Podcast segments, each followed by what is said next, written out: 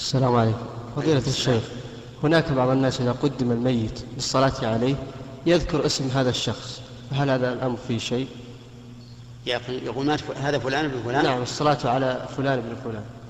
وإخبار الناس بالميت إذا قدم بأنه ذكر أو أنثى من أجل أن يكون الدعاء بضمير المذكر إذا كان ذكرا أو ضمير المؤنث إذا كان أنثى أو إذا كان فيه ذكر فيه جنازة كبيرة وصغيرة لم تبلغ الحلم فيخبر الناس من أجل أن يدعو لكل واحد بما يناسبه هذا لا بأس به لما فيه من المصلحة.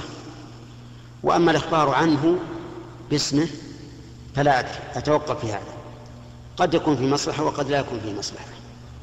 قد يكون مثلا من الحاضرين من بينه وبين هذا الميت المعين عداوة سابقة فينصرف عن الصلاة. يقول ما ما نصلي على هذا الرجل؟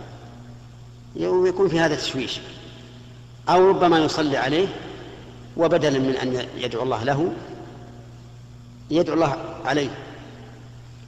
فلو أنه ترك التعيين بالاسم لكان أحسن. نعم.